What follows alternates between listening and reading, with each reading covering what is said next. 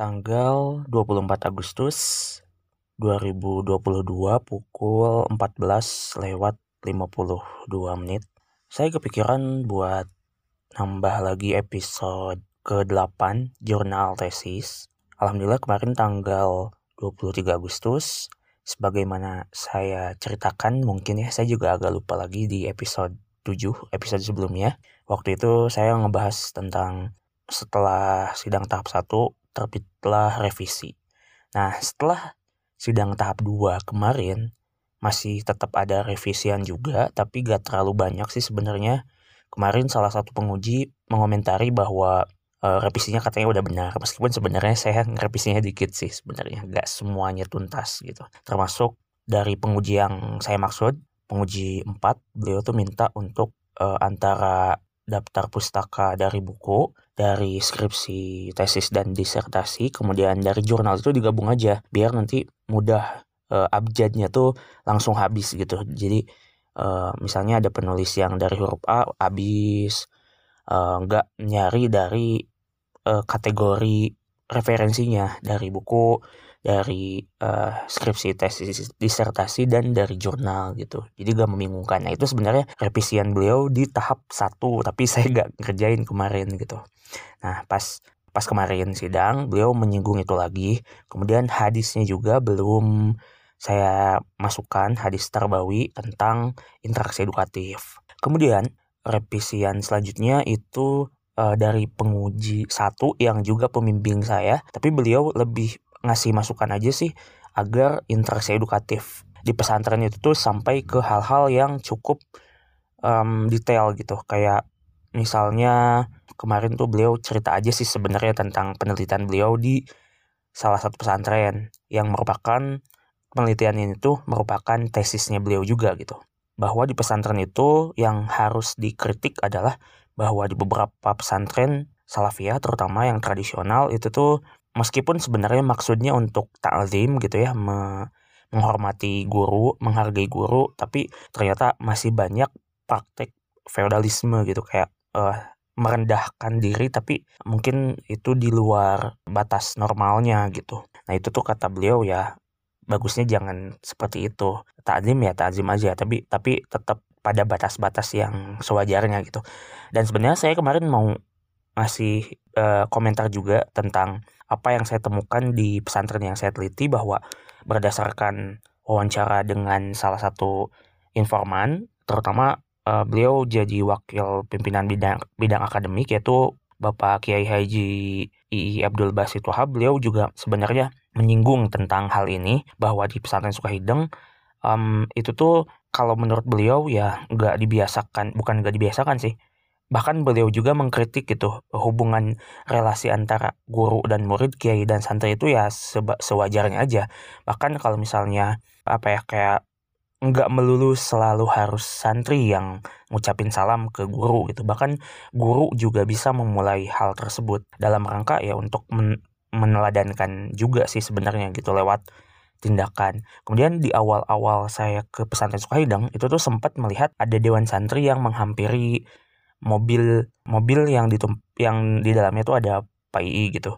Dan ya beliau uh, saya juga gak tahu persis karena ngelihatnya dari jauh gitu. Apakah beliau yang lebih dulu mengucapkan salam kepada santri atau gimana. Tapi uh, ya kata beliau tuh di pesantren Sukahideng di diusahakan untuk egaliter gitu. Nggak jomplang banget relasi antara santri dan kiainya. Adapun ketika misalnya terlihat ada sebuah situasi di mana mungkin santri sangat uh, sungkem tapi sungkemnya mungkin berlebihan. Nah, itu tuh atau uh, ekspresi menghormati kiai atau guru lah gitu. Itu tuh bukan uh, secara langsung di apa ya diminta oleh guru atau kiainya tapi itu ya bentuk dari penghormatan yang datang dari santri sendiri atau sudah membudaya aja sebenarnya gitu.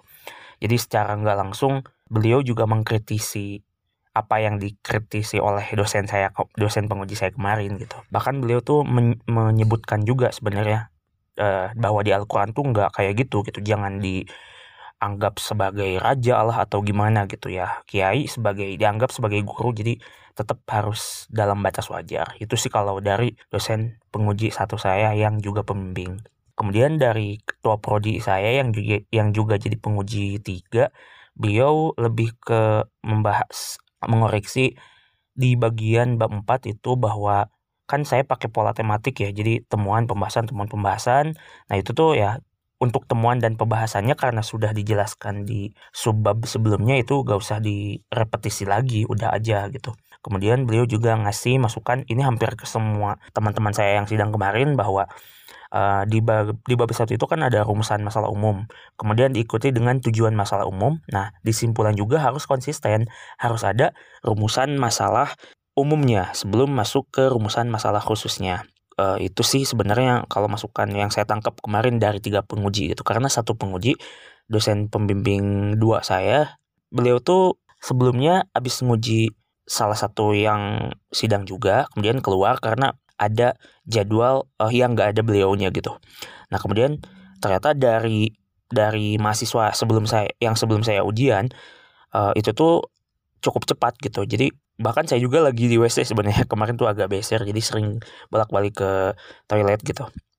Nah uh, abis itu langsung saya presentasi tapi beliaunya masih di bawah. Katanya sih lagi disusul sama salah satu teman saya gitu. Tapi gak muncul juga. Jadi saya tuh harusnya kemarin sidangnya diuji sama empat penguji tapi cuman sama tiga penguji gitu. Nah kemudian lebih banyak apa ya kemarin lebih banyak sharing lah gitu. Nggak nggak kayak sidang tahap satu. Jadi emang sidang tahap satu sama sidang tahap dua sih kayaknya yang beneran beneran yang bener yang benar-benar sidangnya banget tuh di sidang tahap satunya gitu. Kalau tahap dua kan cuma ngelaporin hasil perbaikan meskipun saya juga nggak semuanya dikerjain karena gak keburu gitu. Paling ya minta tanda tangan aja gitu ditunjukkan ditunjukin perbaikannya. Nah kemudian uh, setelah oh ya di SK itu sebenarnya saya tuh jadwalnya ke tiga eh keempat itu tuh jam satu sampai uh, setengah tiga gitu atau berapa. Nah habis itu teman saya. Tapi ternyata teman saya dinaikkan ke atas jadi saya yang terakhir. Dan yang harusnya uh, sampai sore karena waktunya cepet-cepet itu tuh sebelum duhur juga udah beres gitu sidangnya. Kemudian kami foto-foto penguji yang terakhir nguji uh, saya.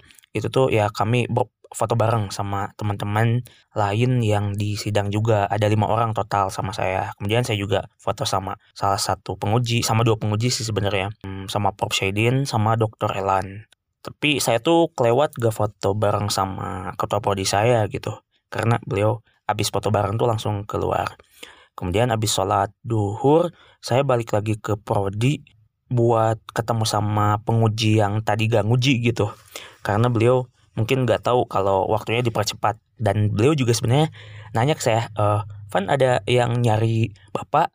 Saya juga nggak tahu uh, apakah ada yang nyari atau enggak gitu. Atau saya lupa padahal padahal pas pas saya mau sidang tuh dibilangin sama teman yang lain ada yang nyusul gitu. Saya tuh ngejawabnya malah lupa gitu. Lupa pak? Eh bukan lupa. Uh, gak tahu pak kata saya gitu. Nah padahal beliau tuh ada tapi di luar di lu di lantai dua tapi bukan di kantor prodinya tapi di dekat tangga gitu kan ada kursi di sana. Tapi kata beliau ya gak apa-apa gitu.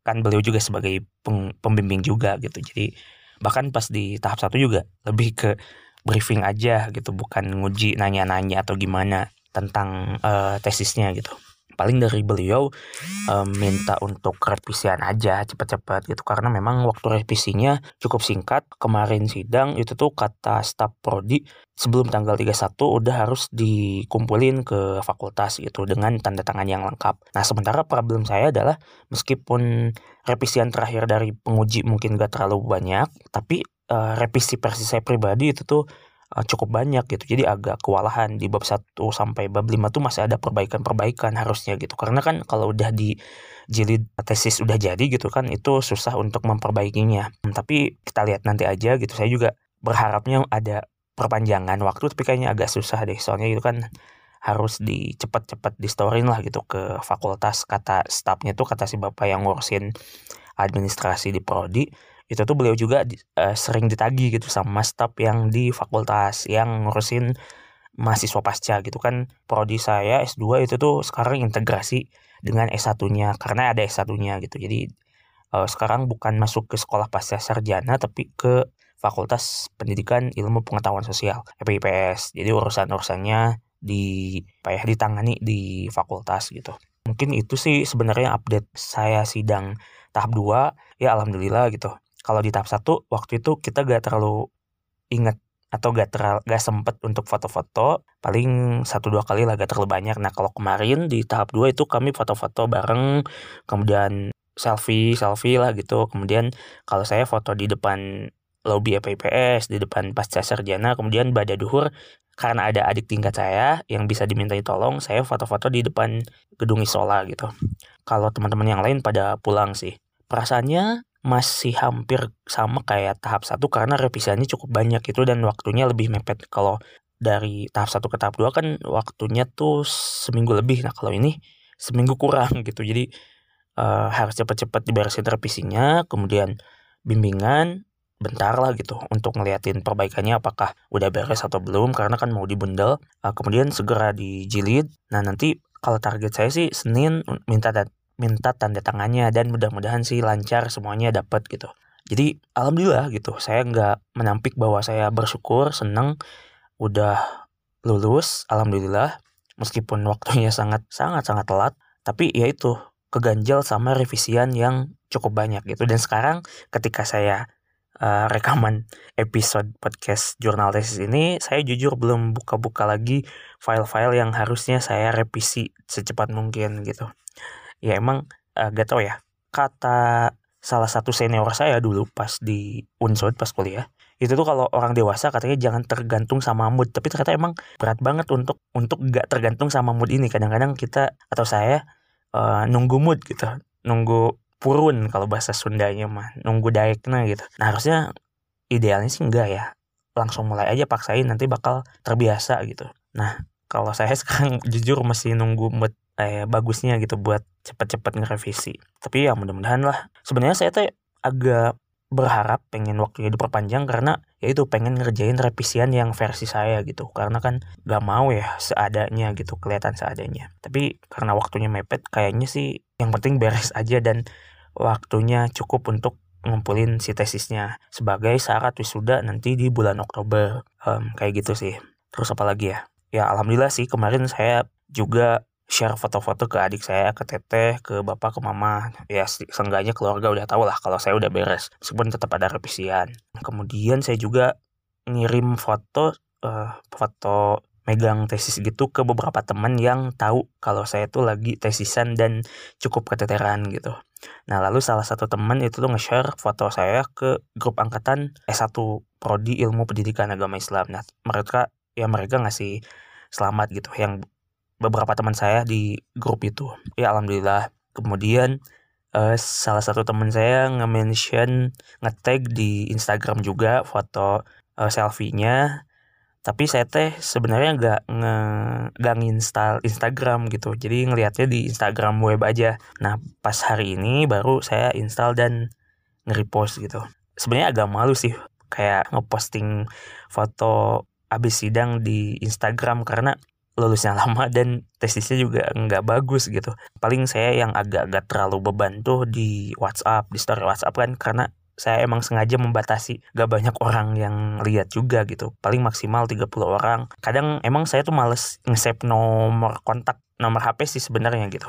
Kalau nggak deket-deket banget atau gimana lah gitu. Nah kemudian saya juga kayak upload di story WhatsApp. Nah itu ada beberapa yang respon juga. Kemudian udah sih gitu aja. Perasaannya sekarang ya cukup lega meskipun tetap harus jangan terlalu terlena harus tetap ada yang dikerjain yaitu revisiannya gitu. Jadi belum jongjon belum tenang 100% kalau belum ngumpulin tesis yang udah dijilid ya. Mungkin itu aja untuk updatean terbaru. Makasih buat teman-teman yang udah dengerin episode-episode di segmen jurnal tesis ini baik yang uh, beberapa episode aja atau keseluruhan episodenya sampai dengan episode kali ini. Sukses buat kita semua. Assalamualaikum warahmatullahi wabarakatuh.